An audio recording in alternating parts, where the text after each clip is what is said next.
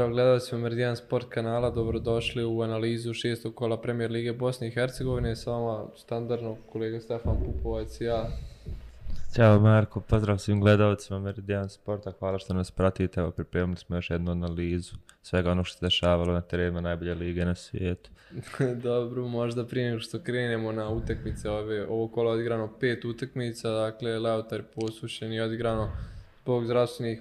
problema futbolera Leutora, ali dobro, i o tome možda par riječi nešto kasnije. Čisto da prokomentarišemo, postavljali ste nam neka pitanja u analizi prošlog kola i u najavi ovog kola, pa možda da iskoristimo priliku da ovdje odgovorimo na to. One najave ćemo ostaviti, one prognoze ćemo ostaviti za najavu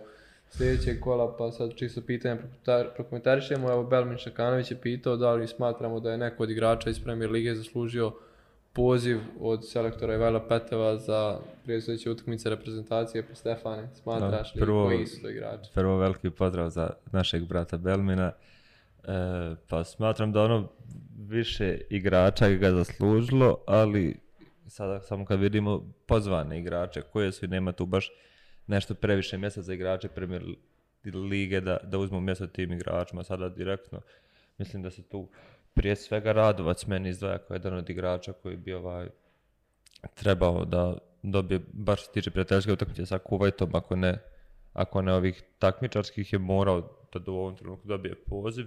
Tu je standardno dobar Ćorluka, meni čak i Amar Beganović u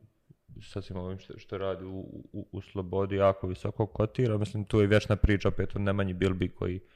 zaslužuje to mjesto u, u, nacionalnom timu na osnovu svega, svega što radi, a opet i tu je niz, niz mladih igrača koji dobro možda i prerano, ali po meni već Igor Savić je ono potencijal ozbiljan za prezentaciju. Pa da, prije svega ja bih iskoristio priliku da pozdravim Belmina i Veliku gladušu, e, ono što ja mislim da svakako da jeste neko služio pozdrav prije svega što je praksa godinama da naročito kada u tim nekim reprezentativnim prozorima ima prostora kad se igraju prijateljske utakmice, praksa je da obično priliku dobije nekog igrača iz Bosne i Hercegovine i tako se možda i promovišu za neki transfer, dosta mladih igrača je tako ranije dobilo šansu. Konkretno mislim da su u, ovom, ovoj pauzi prije svih da je tu priliku mogao dobiti Haris Ovčina, naročito na riječ selektora da ne može biti u neko ko ne igra u klubu,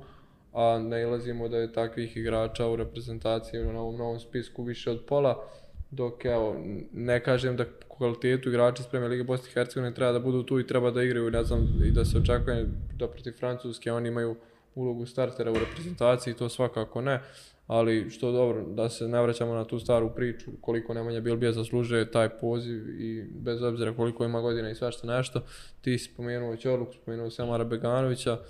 pospomenuo Sigura Savića kao neko ko nadolazi i ko će sigurno u budućnosti biti reprezentativac i sad već treba da ima tu neku, taj neki status potencijalnog reprezentativca. Ja bih na to dodao samo, mislim ne samo dodao bi Harisa u Ovčinu koji mi ovako na prvu pada na pamet. Ima tu sigurno još futbalera koji su zaslužili, ali evo, dodat ću njega za sad. I naravno Vladana Kovačevića koji više nije u Pa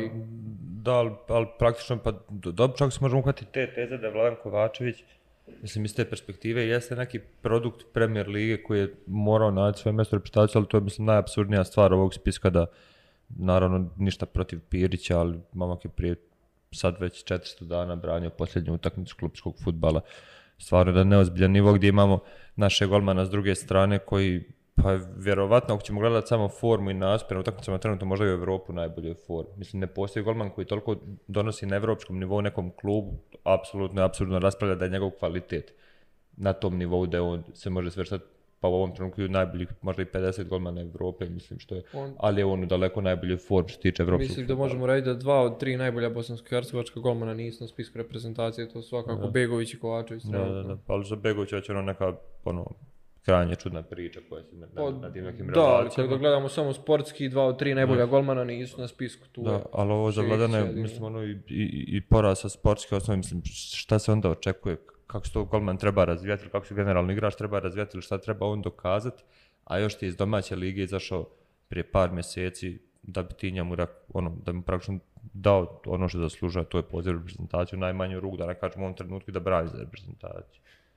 pa da, da završimo da ovdje, da stanemo s pričom o reputaciji, nisu još igrali ni jednu utakmicu, pa možda nekom drugom prilikom sigurno o tome. E, da je Luka Drežnjak nas je pitao da li smatramo da su najslabije karike u Zrinskom e, Bekić i, i Barišić.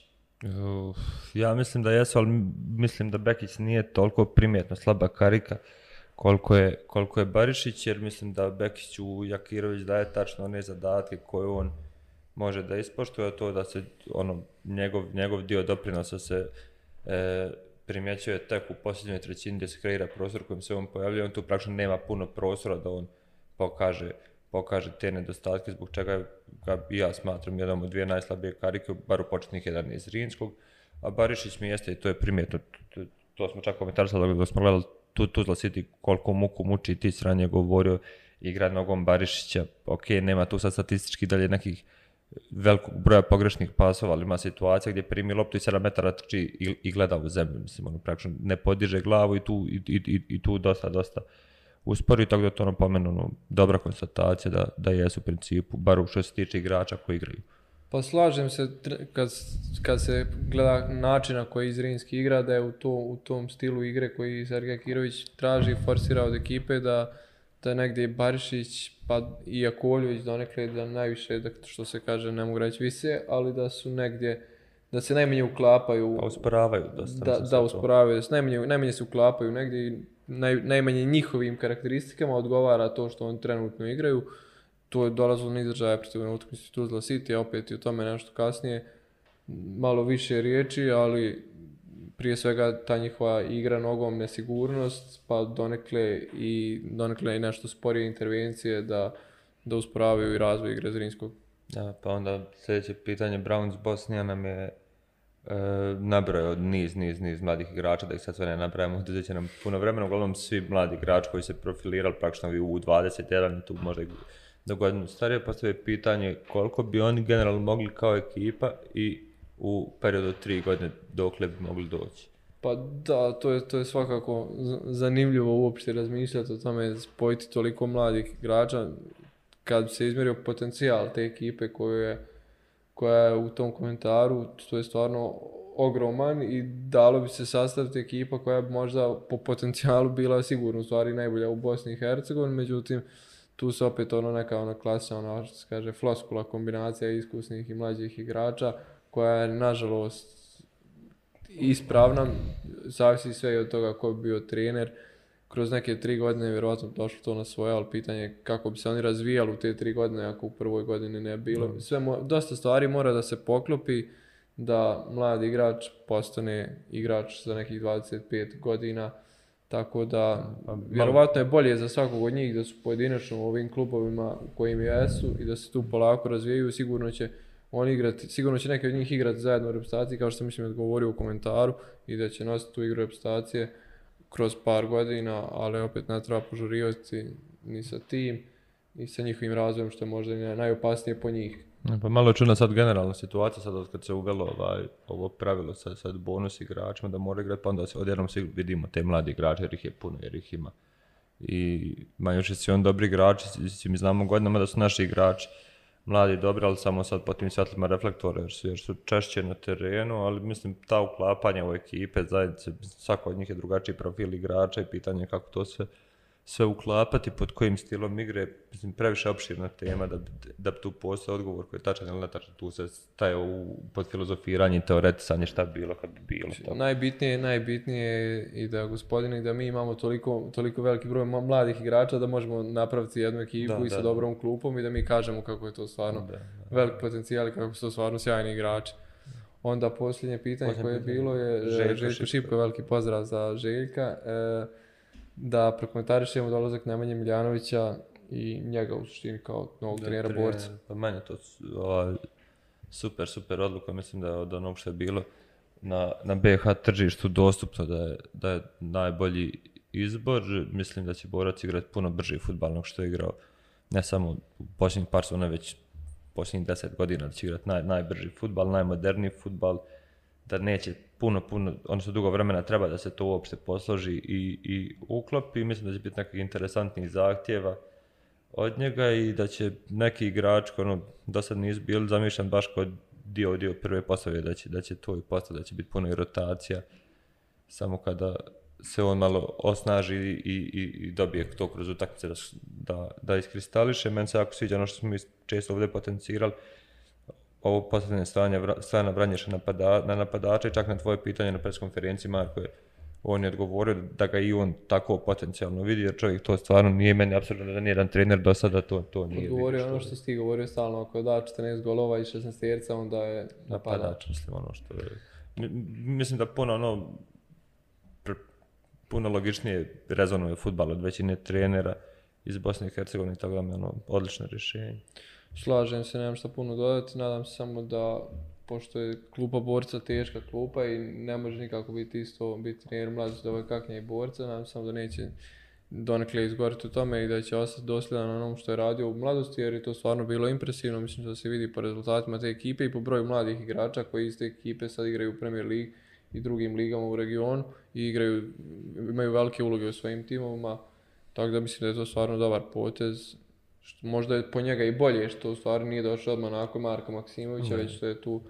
bio Kize Milinković dvije utakmice. Pa, sigurno, sigurno nije, ali po njega možda i pa jeste. Pa dobro, on sigurno sad upoznat sa ekipom. Da, da, svakako. Neće imati te, neke probleme, što nam je Kiza imao da a, treba mjeseci, mjeseci da, da ih detektuje, tako da...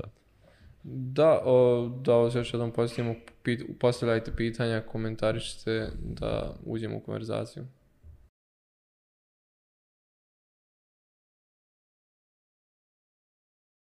Znači već si spomenuo da utakmica Leotara i Posjeća nije odigrana iz tog razloga zdravstvenih problema igrača Leotara, tako da ne prva utakmica koja nam se igrala ovo kolo bila u subotu između Slobode i Sarajeva. Kako ćete vidjeti utakmicu Sarajeva na kraju pobjerili 2-1, osvarila novu gostujuću pobjedu, Sloboda upisala prvi poraz. Pa ja mislim da je Sloboda odigrala sve kontra onoga kako se odigrala u Mostaru i gdje su, kad su pobjedili u Mostaru, jer e, po meni su izašli previše visoko od početka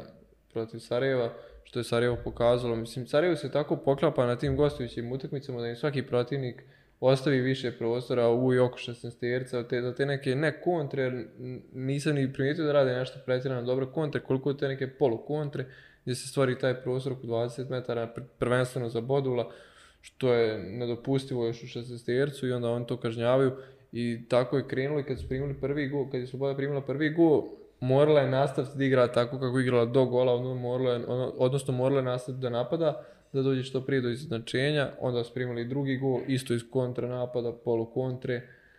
i onda stvarno bilo teško vratiti i onda ostaje neki ovako utisak da je Sloboda mogla bolje, da je Sloboda donekle bila protivnik ne najbolji onda egal, a u stvari, nizobil, a u stvari nemaju nijedan bod. Da, Sloboda je imala 20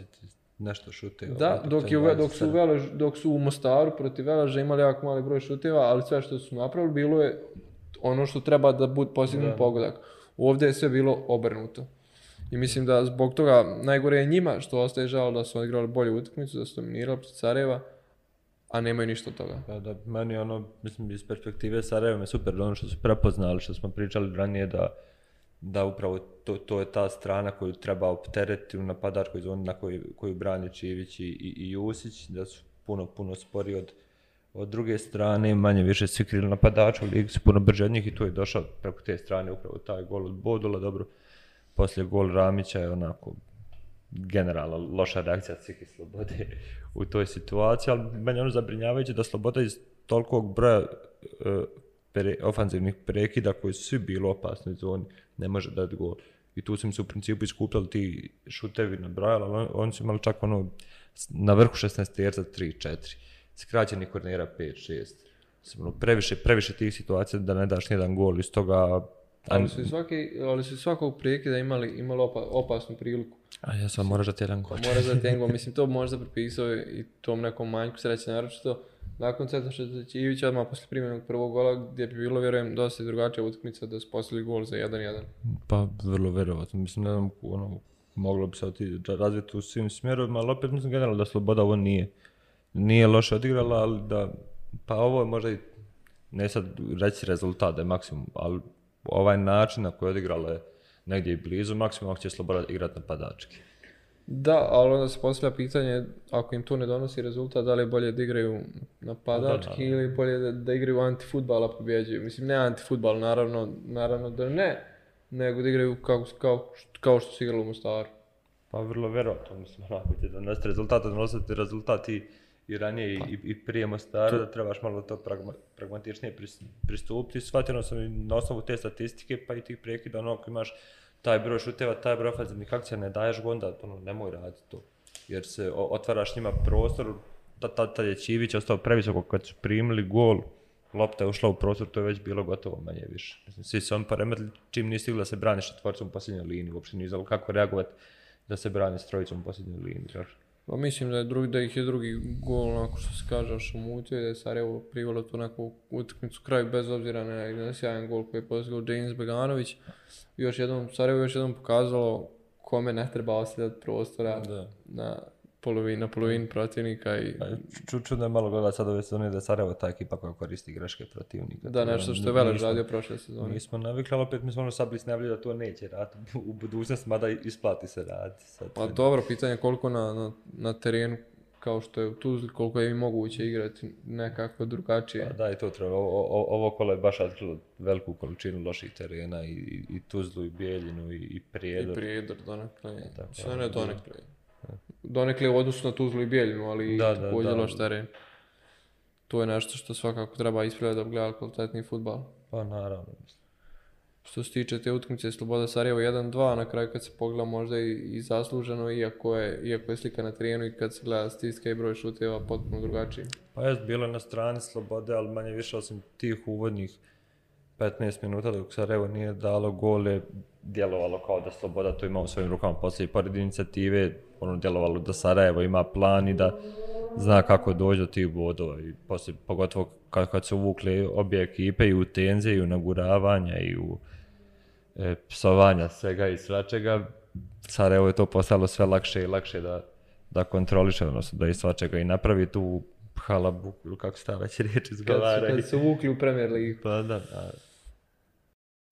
Druga utakmica u šestom kolu Premier Lige Bosne i Hercegovine bio je derbi kola, nešto što smo svi čekali na stadionu pod Bijelim bregom. Zrinski je remizirao protiv Tuzla City rezultatom 1-1.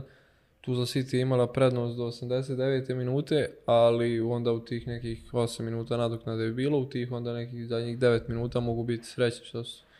što su, da ja možemo reći, izvukli taj jedan bod, sad nas vodili do 90. ali što se vraćaju neporaženi iz Mostara. Mada, baš onako sudar dvije ekipe koje su trenutno u najboljoj formi i koje su kvalitetom iznad ostalih. Pa da, i, mislim, po meni ono kao što je možda bilo najvažnije vidjeti ovu utakmicu koja ima širi kadar i pokazati se da Zrinski ima definitivno širi, širi kadar u Tuzla mislim ono što će biti bit presudno u, u, u narednim utakmicama i ostatku prvenstva, već smo puno puta pričali o stilovima jedne i druge ekipe i, i slijedili su jedni i drugi ono što radi, tu opet iskoristila ono što je mogla, kao što si ti najavio, e, Zrinski je konstantno pritiskao, na kraju došao gol, moglo je doći i, više golova, tako da ono, mislim, ne znam, očekivano najbolja utakmica po meni dosad baš što se tiče ono, taktičkog dijela, čak ono u nekim ljudima ono, ljudi govorili da je bilo monotono, meni nije najmanje. Tako da ono, uopšte, da je 0-0 završilo da se igralo ovako, bilo, bilo bi super jer ono, praktično su ekipe sad trebale pokazati jedna drugo ono što htjeli da pokažu, jer definitivno da će jedna i druga biti učesnik borbe za vrh, da li će im se neko pridružiti ili neće, ali već jasno da su ovo dvije ekipe koje će boriti za vrh Premier Ligi. Ono što mi je zanimljivo jeste, Zrinskom je prošla igrana akcija iz kornera protiv Željezničara, pa onda prođe isti, identična protiv borca i hajde to se nekako pripiše neozbiljnosti borca, jer stvarno na toj utakmici je bilo samo neozbiljno i da prođe ne ista, ali da prođe slična uigrana akcija i protiv Tulu City-a protiv ekipe koje bih baš očekivao da će zadnje proći protiv njih da prođe akcija. što očigledno govori koliko i Sergeja Kirović iz Zrinski posvećaju pažnje pa prekidima i detaljima. Da, Mislim, u tome što, što ta ista akcija prvi put je cvetena kad su igrali protiv Krupe, prvo kolo prošle sezone proljesnog dijela, to je bilo prvo taktičko da se Sergeja Kirović sjeo ono, na klupi. Manje više ne pamtim utakmicu kad nisu odradili tu akciju iz protiv neke ekipe, ali očigledno u, u, tim pomjeranjem blokova, odnosno pomjeranjem igrača koji blokira put, vjerojatno pretpostavljaju koja će biti reakcija nekog pri scoutingu i koji će biti zahtjev, pa onda sprečavaju mogućnost mm, blokiranja tog što hoće da kaže, bezbede sebe taj protok lopte do igrača do kojeg hoće da im dođe. A i Tuzla City je savršeno otprilike ocijenila koje su mane Zrinskog i to je iskoristilo u prvom povremenu nedopustiva reakcija odbrane kod gola. E, očigledno je da je Zrinski zahtijevao, to je da je Kirović zahtijevao od odbrane da izađe visoko, ali onda se desi baš to nešto što e,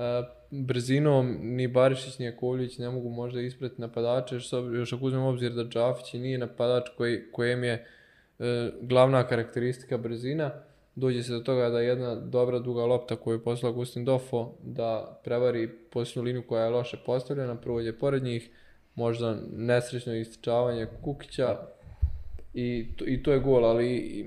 da uzmemo i da nije, da nije on izašao na tu loptu, opet bi Džafi došao, vjerovatno, možda, možda i ne bi, nebitno, loše je postavljanje bilo odbrane, možda ne bi došao tad, došao možda neki drugi put, imao bi situaciju jedan na 1 sa golmanom, ko što je bilo još nekih situacija e, gdje su nepotrebno, da je Barišić nepotrebno izlazio visoko i gdje je ostao manjak igrača u toj nekoj posljednjoj liniji. Bilo je još, još mislim par situacija da su na 16 ostajali sami, jednom je Krpić odigrao samo pogrešnu povratnu loptu prema Džafiću, što bi isto bilo jako opasno. to je to negdje prvo polovrijeme dok je Tuzla City bila, e, da kažemo, što se tiče fizičke snage,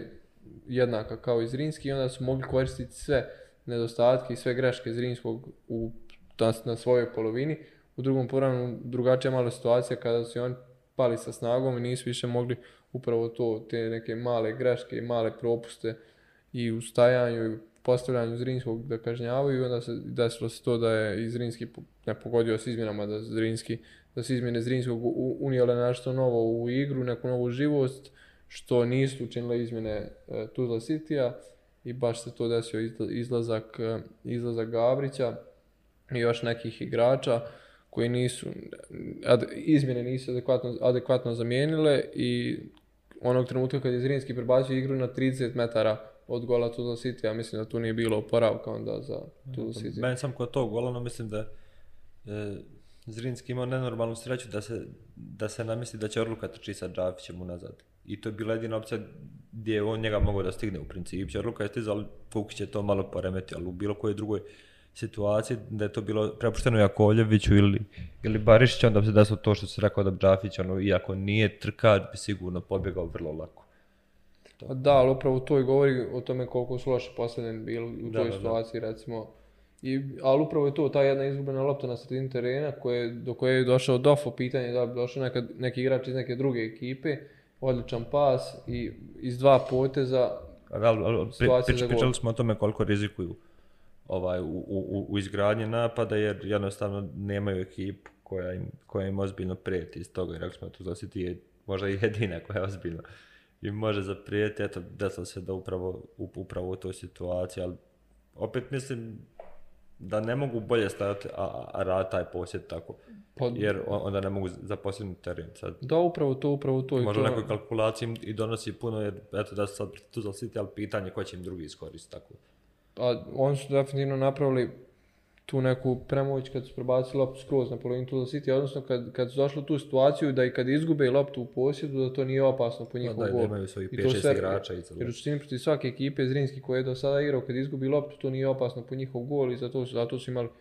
da kažemo, tog nekog kredita u organizaciji napada da rizikuju. Ovdje je u prvom programu to bio drugačiji slučaj, u drugom nije baš zbog te Mada, širine ekipe. Mada se otvaralo tu si u drugom problemu, bila ona situacija, yes, ono, ono je baš bilo ružno vidjeti, ona ubačena lopta sa strane.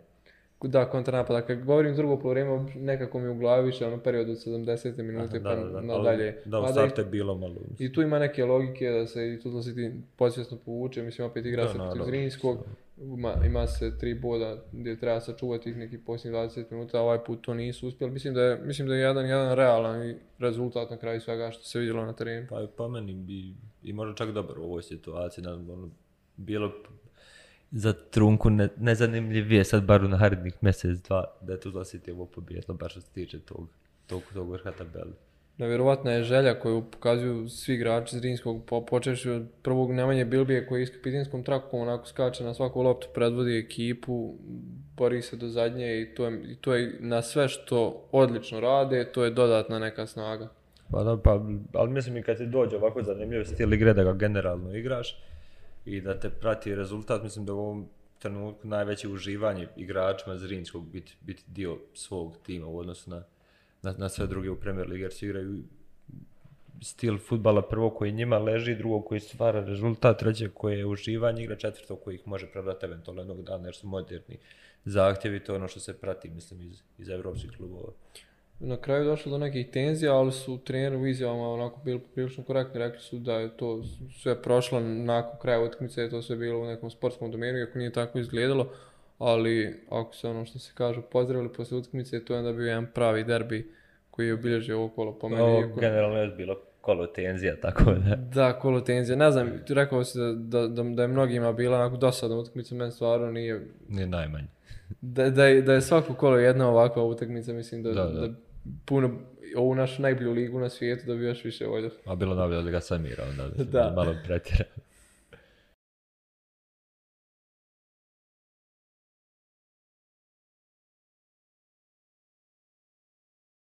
U nedjelju je nastavljena Premier Liga Bosne i Hercegovine. Prvu utakmicu je u Prijedoru odigrana između Rudara i Borca, krajiški derbi koji je završen rezultatom 1-1. E, na tribinama je bilo puno zanimljivije nego na terenu, ali, ali dobro. Bar i negdje bilo zanimljivo. Jedan, jedan, ali u prevodu ništa, ništa mislim. Ono. Ništa, ništa. Pa Rudar je otvorio utakmicu opet slično kao protiv Sarajeva, samo što bi se sad to isplatilo, odnosno tim nekim brzim pogodkom, pa su onda potpuno promijenili način igre, mada i to možda nije na njima za zamjerit s obzirom kako je, kako je sudija Drinić sudio čitav utakmicu, teško je bilo rudaru da odigra i kako drugačije. Stvarno bezbroj, bezbroj bespotrebnih prekršaja u sredini terena koji ne donose ništa dobro ni borcu na konto svega. Svi, mislim, svi rani naravno korist borca, ali ne donose ništa dobro borcu jer se sve okrenulo onda protiv borca i igrači i tribine i sve samo otežalo situaciju borcu koji ponovo nije briljirao, ali nije bio toliko ni loš, nezainteresovan. Nije bio toliko nezainteresovan kao protiv Zrinskog. Pa bio je puno ofenzivniji, u, mislim ima puno veći broj tih pokušaja prema naprijed što imao u dosadašnjim utakmicama Premier Ligi ove zone i to je kao taj neki prvi pomak, mislim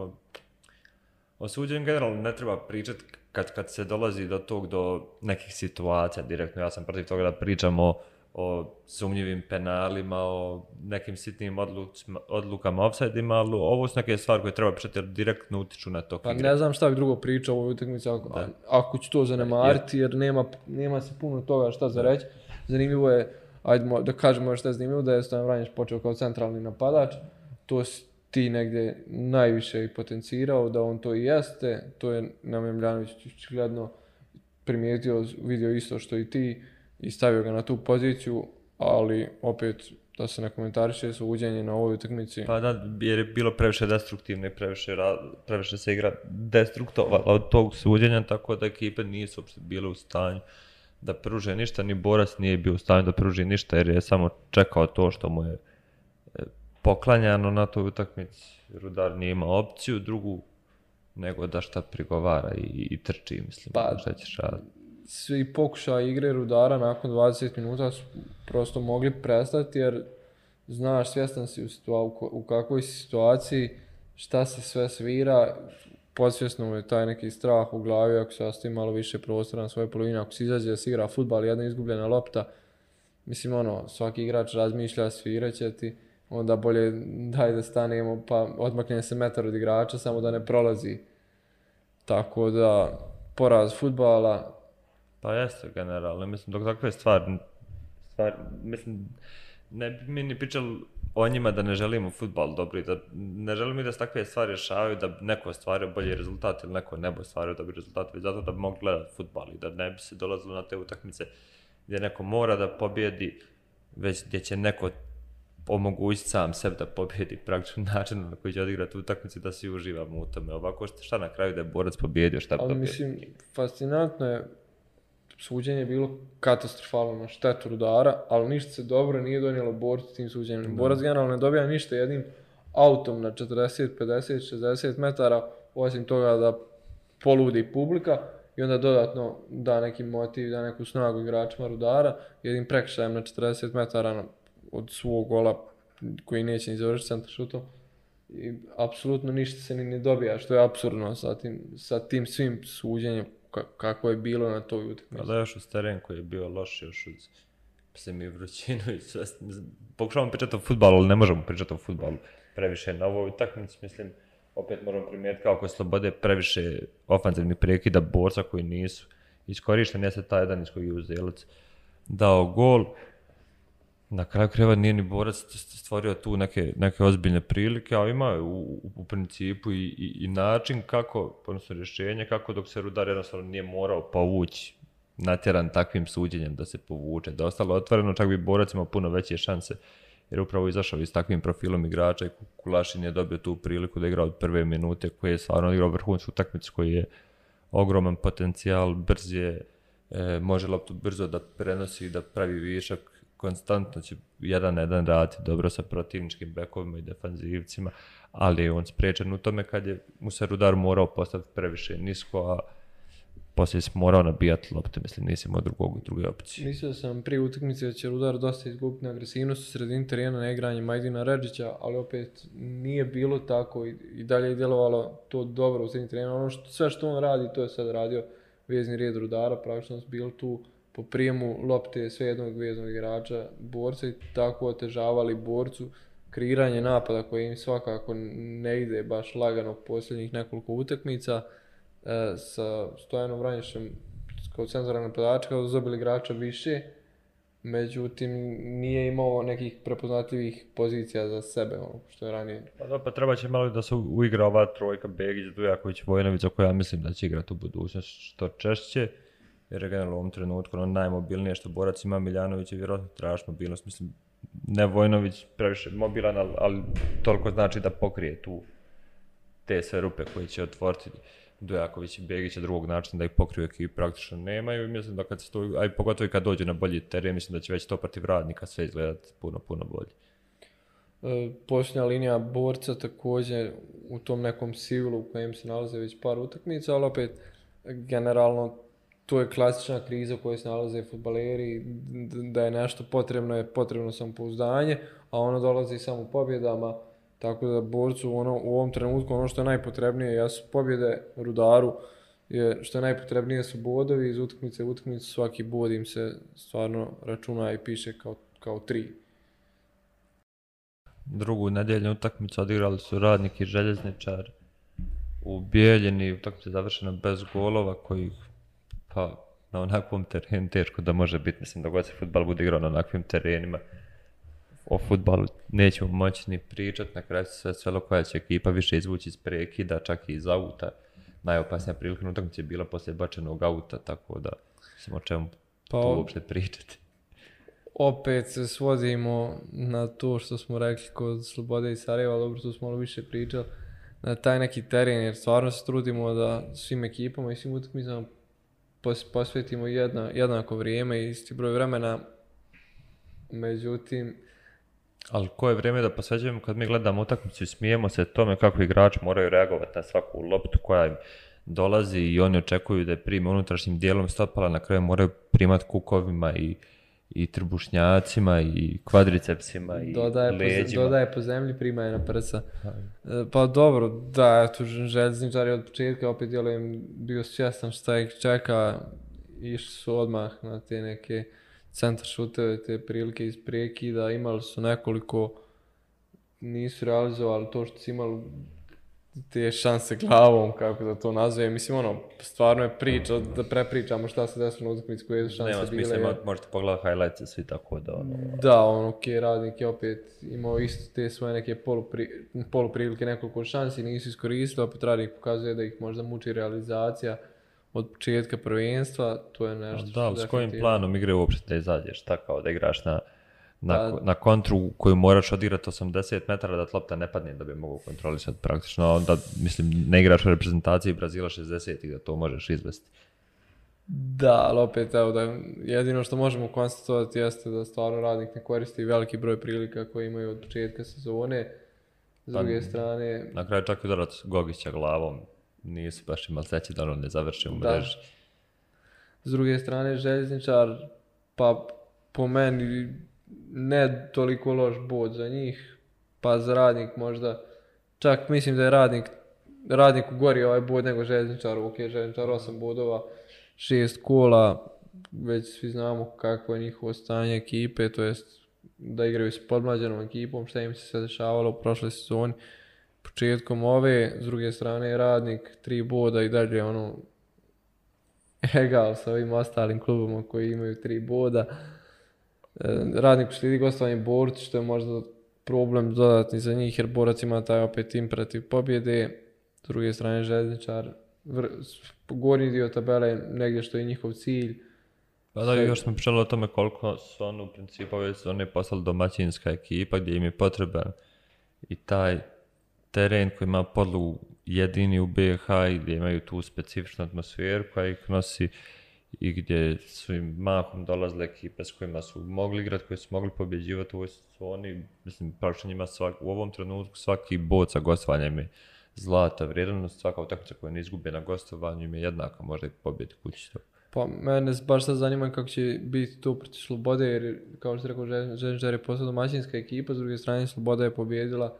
Velež u Mostaru i sigurno da ne preza od toga koja je domaćinska ekipa, koja nije. Tako da me ta utakmica negdje najviše interesuje, ali o tome ćemo opet u najavi, u najavi ovog sljedećeg kola pričati više. A da, pa ovom stvarno mislim, ono... I 0-0 na kraju. Da, radno, šelju. Ovo je već ništa, ništa, nego što je bilo ništa, ništa Rudari Borez, Rudari Borez bar dal po taj gol. Da, ali pored baš... tog ništa nije viđeno ovdje, praktično osim tih ubača iz prekida koji su opet ono standardne situacije gdje lopta miruje, koje nemaju toliko veze sa sa nekim jasnim idejama, odnosno imaju veze s idejama, ali te ideje su očite svima koji pogledaju, tako da ono, tu nemamo šta ni, ni objašnjavati kako to sve izgleda. Ču odmah prijeći onda na, na hercegovački derbi, pa, koji je zatvoreno ovo šesto kolo. U, na Pecari Velež je široki brig i prekrenuo taj neki loš niz koji su imali u Premier Ligi. Dakle, oni su izgubili od Rodara u Prijedoru, igrali nerješeno sa radnikom u bijeljni i izgubili su u Mostaru od Slobode. Sad su se konačno riješili te Evrope. Imali su 7 dana za treninge, nisu igrali srijeda subota. I epilog toga je tri boda iz Širokog brijega, prvi poraz Jure Ivankovića kao zvančni trener Širokog. Hvala pa i širok je pokazano dva različita stila. Na momente su igrali ono što su igrali po Tonjem Kararćem, na momente su igrali ovu ideju iz posjeda Jure Ivankovića, koja se opet pokazala da je treba vremena čisto da bi taj pas išao brže, tu ako pas ne ide brzo, svaka dobra ekipa će to koristiti jer će se oslanjati, čekat će tu tvoju pogrešku ili dvije sekunde kontrole lopte više nego što je potrebno u prijemu. Veleš se svjesno predijelio na to da on bude ekipa koja će koja će to čekati. Na kraju je došao gol, mislim, ne direktno iz prekida, ali poslije prekida dok je Zvonić još ostao u 16 terci, tu su pokazali, pokazali kvalitet, ali malo će i pored toga im se nudilo, nudilo puno. Miškić opet po meni jako, jako dobar na mislim iznad visine zadatka, praktično golman širokog brega, brani u fantastičnoj formi, s velikim brojem odbranjenih udaraca i u jedan na jedan situacijama i dobrim zatvaranjem uglova gdje su igrač Valeža bili primorani da je pored gola, maltener bi njega pogodili sigurno da su, da šutali u gol. Ono što je pa, men posebno ono možda raduje nakon više godina povratak Demira Peca i Marijana Čavara u Premier Ligu na istoj utakmici, da bi Čavar je bila isforsirana povredom Mikića da uđe, poslije ušao Peca i oba su igrača onako pa pokazali taj neki kvalitet, mislim ono koji se od njih očekuje. Pa da, ovaj, što sam htio reći, e, Dejan Zvonić je postigao šesti gol od početka prošle sezone i trenutno je od tog perioda najefikasniji defanzivac Premier Lige do, to je informacija koju sam ukrao sa Pearl Big Stats, tako da... da pozdrav prvo za Pearl Big Stats, nikako do sad nismo, momak radi odličan posao, tako da, da ovaj- pratite to, podržavajte sve entuzijaste koji hoće da razviju našu ligu, pa digne na više nivo. Da, to sam upravo htio da kažem, hvala puno i na tim nekim informacijama koje nama pomažu i olakšavaju da radimo ovo što mi radimo, tu smo jedni za druge, da zajedno širimo Premier ligu, ovaj, što se tiče utakmice Žirki Velež, pa kao što se rekao, otvorio se prostor veležu baš iz tih nekih grešaka koje je Široki napravio sam sebi upravo navikavajući se još na tu igru koju pokušavaju igrati e, Velež to je nekoj posljednjoj fazi terena dosta konkretniji nego u prethodnim utakmicama i kada je lopta kod Branda i kada je lopta kod Georgijevića i Vehabovića, ne znam, puno su nekako odlučnije ulazili u 16 nego što je to bio slučaj protiv Slobode iz tog svega taj broj nekih prilika i šuteva koje su išli prema golu širokog briga, od kojih ja to srećom po njih možda na početku, već im u prvom programu taj zvonić je završio u Da, počeo Veležić je stalije e, prostor između 18 i 25 metara da se upravo iz njega upući udar, što do sad nije bio nešto pretjerano, sa čovjek su tražili to izbacivanje na, na stranu, pa, pa ti centar sa punjenjem 16 terca, pa ovo je, mislim, čak i dobro izgledalo, mislim, Miškić je tu opet upisivao dobro odbrane, ali bilo je pa, par opasnih udaraca, pa čak i prethodno tom golu je bio onaj odličan udarac, mislim, Ede Habovića, koji je Miškić praktično iz, ono, išlo je pod samu prečku, Miškić je to uspio prebaciti, preko je napravio taj kvartir nakon kojeg je kojeg je Zvonić opet dao gol i donio Veloš pobjeda. je sigurno trebala dobra utakmica i pobjeda da se, da se borave negdje to što se desilo u posljednje dvije, tri sedmice, a ne, mislim da ne postoji mjesto koje je bolje za izaći iz krize nego pecara. Da, pogotovo njima mislim tu i, što je lokalno i što je tradicionalno ono najteži gostovanje u Premier Ligi, što imaš dobar teren, dobra ekip nasuprot sebe. Mislim da je to ono, gostovanje nakon, kad pobjediš znaš da su radio stvar stvari, da smo morao raditi dobru stvar na terenu da pobjedi da dokazuje da imaš kvalitet kad god pobjediš na pecaru. Misliš da ovo, da je ovo neka ne prekretnica za Velež, nego da je ovo stvarno da su iza njih ostale ove utakmice koje su bile slabije. Ja mislim da sad je koliko god to kao jednostavno izgledalo, ali mislim da ono, obzirom na težinu protivnika, na stil igre protivnika, na njihovu reakciju, mislim, osnovno na neprimanje gola na utakmici. Mislim da je to jako, jako bitna svaka pobjeda u, kojoj ne primiš gol, pogotovo ako na gostićem terenu i protiv ekipe koja opet ono, tu uvijek konkurenti za Evropu, za najviša mjesta, pogotovo poslije ovakve krize koje su imali u domaćem prvenstvu i gubljenja bodova pred ekipa od kojih su objektivno puno jači. Tako Mislim, mislim donekle djelimično se slaže, mislim da jeste, e, da će Velo izgledati puno bolje nego što je to bio slučaj s te utakmice, baš zbog ovog nekog samopouzdanja koje će igrač dobiti, te sigurnosti tog neprimljenog gola, ali opet mislim da su i druge ekipe malo uh, svjesnije onoga šta velež može ponuditi i odakle, odakle velež prijeti i da će im zbog toga biti i neke pobjede koje su im bile možda lakše za ostvariti prošle sezone da će biti dosta teže bez obzira na ovu pobjedu čiruku, da će im do kraja prvenstva, do kraja pol sezone biti dosta teže ostvarivati te pobjede, ali da će im na polju samopouzdanja ova, ova utakmica značiti puno i da će oni što se lično njih tiče izgledati mnogo ozbiljnije, mislim mnogo ozbiljnije, mnogo bolje i kvalitetnije u nekim narednim utakmicama, ali opet tu neće ići tako lagano i da je uvijek moguć neki, pa neki, da kažem, u ovoj ligi može, može, mislim sve, sve ekipe igraju futbal, skola standardna, ali da, da će im puno češće dolaziti neko, da kažemo, iznenađenje, neki šok mali. Pa mogao bi praktično, mislim, pričali smo o tome više puta, koliko je Veliš prošle sezone na dobar scouting protivnika, pravio rezultate, koliko je iskorištavao svako od mana, a sad već vidimo da su njima praktično slobode i i pobijedili na iskorištavanje pa, njihovih mana. E sad jedino ta, ta, ta promjena gdje će malo ono, teže se moći zatvarati, taj Velaž će biti vjerovatno ta veća uloga Damira Pece vremenom kako bude odmicalo. Sad imaju promjenu i u 21 igraču gdje umjesto Kačavine tuđani Salčin, koji je, mislim, pod svaku cijenu juče igrao, iako se vidjelo da, da ne može u čemu bila prva utakmica nakon, nakon ja mislim, 4, 5, 6 mjeseci. Da, mislim, je veliko za da, Ta takmičarska i, sam Dudić je rekao posle takmice, da igrao koliko je mogao, ali nam znači. Pa i stvarno jeste pomogao, mislim, u tim nekim svoj, mislim, stvarno je talentovan igrač, stvarno dobro rješenja ima na terenu tehnički je dobro potkovan, sad samo mu treba tih utakmica da se navikne da je u njegovoj karijeri normalno igrati utakmica, ne samo raditi masaže i terapije, tako da to je sigurno igrač koji ima kvalitet koji će, velež, pa najviše možda i zbog toga U21, mislim i da nije U21, on znači svakoj ekipi. Vjerujem. da, šta ti misliš koliko će na kraju kreva U21 igrač lomiti ovo prvenstvo? Lomiti? Pa neće, neće ga lomiti u pozitivnom, koliko će ga lomiti u negativnom pa- smislu, kao recimo za Velež. Koliko će zavisno od U21 igrača, baš kad uđe u rasplet borbe za, za, za, za mjesta na kraju, znači posljednjeg u finiš sezone, dva, tri mjeseca posljednja, pa Velež trenutno zavisi. Ne, ne vjerujem da će neki U21 igrač prelomiti u korist neke ekipe, nego da će baš nedostatak kvalitetnih U21 igrača prelomiti u, da kažemo, loše za Velež. Mada opet ekipa koja uđe u trku za titulu u posljednjih par mjeseci, ako u zimskom prelaznom roku opet, ako znaš da će se boriti za titulu, ako u zimskom prelaznom roku ne dovedeš dva pojačanja u 21, onda, mislim, to je onda malo neozbiljno od strane kluba. Mislim, ono, generalno pitanje što, što bi ja postavio, da odmah sad i publici našoj postavimo da ono odgovore nama na pitanje, a i tebi, ovaj,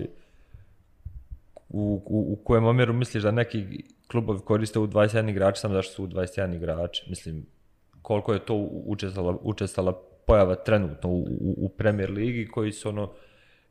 to klubovi igrači koji su tu na terenu samo zbog toga što su u 21 zašto klubovi. Mislim, Dudić je već sam rekao da je on imao igrača koji je tu samo zato što je u 21. Pa mislim da je Velež naj, najveća, najbolja i najveća slika tog u, u 21 pravila.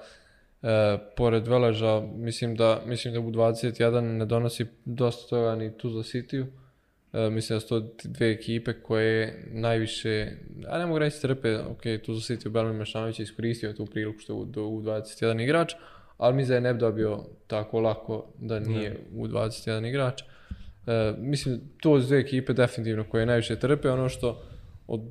ko ne trpi zbog 21 jeste borac, jer borac ima da, do 21 godine i rudar ima do 21 godine široki brijeg, do 21 godine igrača koji... čak i Zrinski na kraju. Čak i Zrinski, Bašić sad Dobitak, da, mislim on mora, on igrati u ovom Zrinskom sad.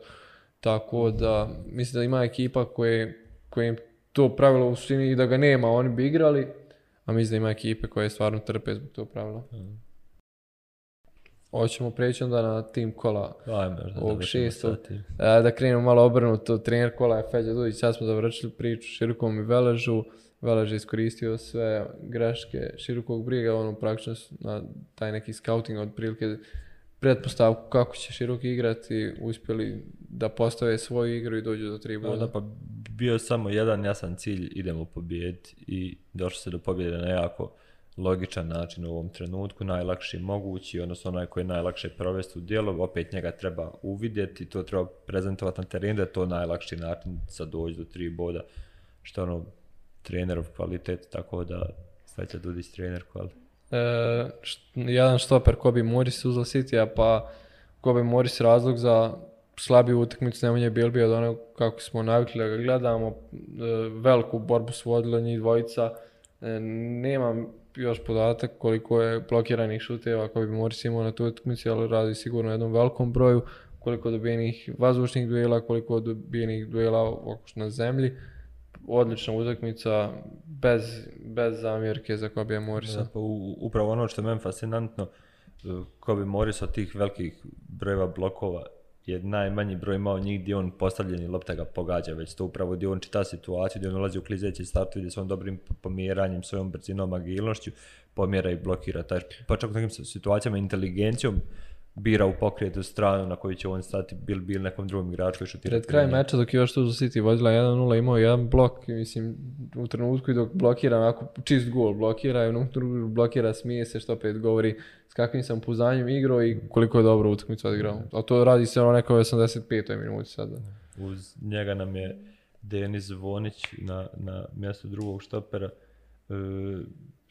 prvo taj postignut gol koji je donio tri boda, što je uvijek velik značaj kada ga da štopera, uz to je imao jako dobru kontrolu odbrane, u dvije situacije su napravili jako dobre offside zamke za, za igrače, široko ga upravo on bio taj igrač koji je iskakao da bi se ta offside zamka napravila, standardno dominantan u skoku, hm, prekidi širokog su bili krajnje bezopasni, čak su i uvijek gađali da prebacuju njega negdje pa su onda te lopte su odlazile predaleko od gola, ako, ih, ako već nisu ubacivali standardno blizu petece pa bi on to očistio. Mislim, jako dominantna utakmica i mislim ono kapitenska na kraju. Ono što smo navikli šta je kapiten, kapiten. u BH, štoper, jak, čvrst, kontroliše sve galami i to je to. E, desni bek pa praktično jedna, jedina pozitivna stavka iz odbrane Zrinskog na toj utakmici E, imao je dosta tih nekih prodora naprijed, neki centar što stvarno nisu bilo onako kako on zamišljao. dobro, ali... da, e, ne bi igrao premijer ligu da svaki bude tamo gdje treba. E, po meni je ono standardno dobar i ima taj svoj nivo kvaliteta koji drži Premier Liga vratno, pogotovo ove sezone ima bolje desne bekove od njega, odnosno one koji više donose tu u prvom planu, ajde Nukić, koji ima fantastičnu sezonu, ali opet kad igraš neke utakmice toliko dobro, normalno dolazi do oscilacije da ne možeš svako odigrati toliko dobro kao što na primjer Nukić imao protiv Želje i Posušja. Već je ova u kojoj on nema dvije, tri asistencije, nešto što mi nismo navikli od njega, a odluka ima taj standardni kvalitet koji održava i zna se tačno što on donosi iz Zrinskog, zna se da Zrinski bez njega ne može ili jako teško može. Tako da to on ima svoje mjesto. Lijevi bek Slaviša Radović, kao pa standardno opet dobra utakmica, ono što smo što smo navikli od njega. Ima, ima svoje kvalitete koje donose dimenziju više, koje ono, puno više mogućnost, puno više rotacija u posjedu, može se ubacivati u sredinu, može probijati i za out liniju, to i radio, jako dobro je kontrolisao e, Ikića prvo, pa onda i u to izmjeni široki praktično je ostao bez desnog kralnog kad se Juril prebacivao na tu poziciju, ali njega jako dobro zatvarao, sa stalno potencijalom kvalitet će Jurila koliko je njih u principu teško braniti, on je to odlično radi. E, jedan defensivni vezni je Gustin Dofo iz Uzla City, a pa mislim da je odigrao kao i Morris jednu perfektnu utakmicu gdje Prevarao teren 90 minuta, nije stao koliko se momak radi za ekipu, stvarno, stvarno je, ima velik utjecaj, da postoji neki mjerač utjecaja koliko on radi na ekipu, ja mislim da bi to bi bila stvarno visoka brojka. Mislim imao je tu jednu asistenciju koja je odlična, opet oduzeta lopta, duga lopta na uh, ali ne samo, ne samo to, pored tog svega imao je još nekoliko dodavanja koji smo mogli biti pretvoreni gol, imao je situacija da se on, da, da se on oslobodi čuvara, da se okrene, šutira, mislim svi njegovi udarci išli u okvir kola, sve je bilo rezonski kako radi, e, svaki put okrenuta strana, svako kratko dodavanje, oduzetih lopti, vrlo malo izgubljenih lopti, mislim da e, doktorat na sredini terena na ovoj utakmici za Ajde još jedno pitanje za tebe za publiku, već smo govorili koja ekipa najviše trpi u 21, da li je tu za ekipa koju stranac najviše donose u ligu? Pa sad ako, računamo malo nećemo, Ako nećemo region, znači praktično ljudi... sad... Austriju. A dobro,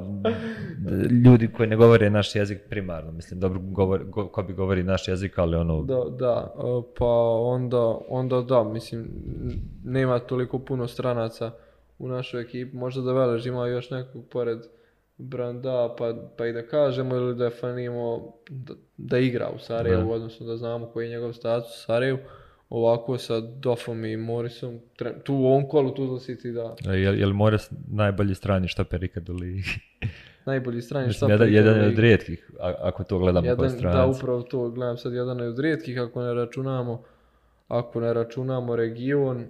na prvu se ne mogu sjetiti. Pa, nije praktično nekog, nekog drugog. Ako ne računamo region. Dobro, a ćemo, hoćemo dalje na vezni red, publika odgovorite i vi gledalci ono. odgovorite na, na ova dva pitanja, zanima nas vaše mišljenje.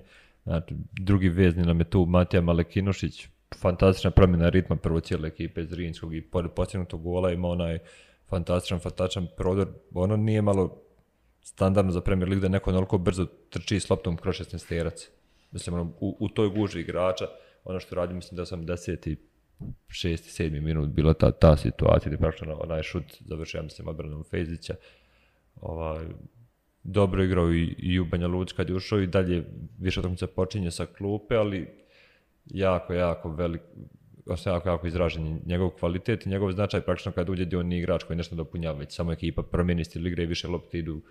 ide, ide na njega i on rješava situaciju u kojima je dobar i tako doprinosi prinosi svoje ekipe. Pa rekli smo da koliko je Sergej Kirović promijenio tok utakmice izmjenama, on je jedna od njih, na kraju je postigao pogodak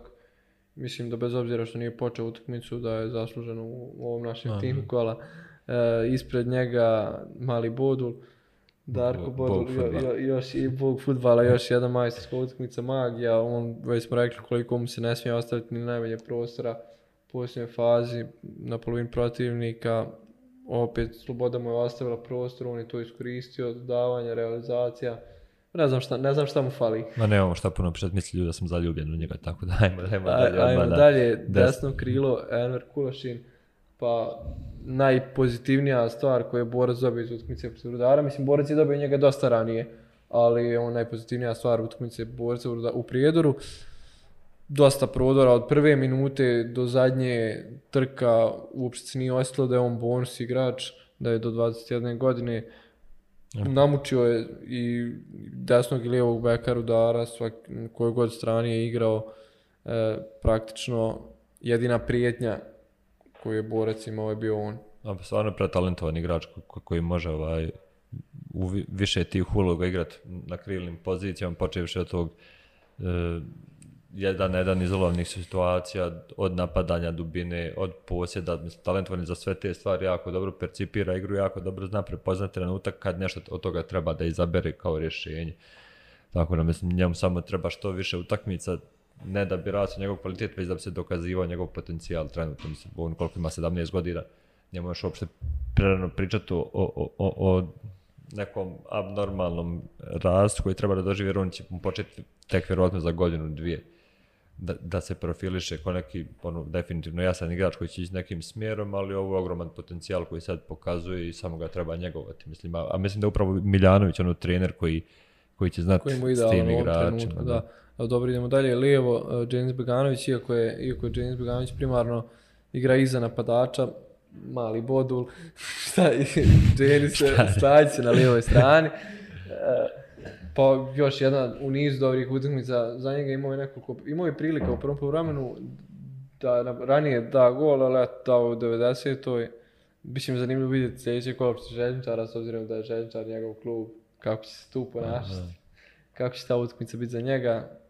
I ostao nam je još centralni napadač. Nikola Mandić. Mislim da jako, jako dobro igra u, Rudar, čak na nivou više nego što igra u Krupi konstantno je vršio pressing na posljednju liniju borca koja je imala dosta problema sa njim u prvom poluvremenu, naročito dok je Rudar još mogao igrati. E, izmudio nekoliko prekršaja, pobjegao par puta. i sam taj gol koliko, god to izgledalo jednostavno u toj situaciji što on radi kod posljednog gola igrač kao što je Marko Jovanović koji ima toliko iskustva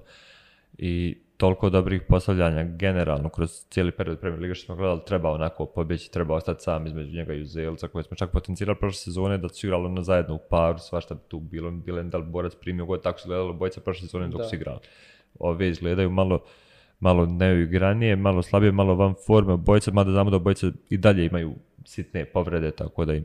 nije ni lako, ali između ta dva štapera u kakvom god da su stanju pobjeći iz izboriti za svoj prostor je stvarno ono, izuzetan kvalitet. Mislim da njemu, njemu na sam poznanja puno znači gol što je postigao iz prve prilike na utakmici jer je dosta imao problema sa tim ukoliko ne iskoristi prvu priliku da on i u nastavku negdje da, to počne sa Prošle sezone stvarno ga je mošla realizacija prošle sezone u krupe, to ove već to izgleda jako dobro, tako da...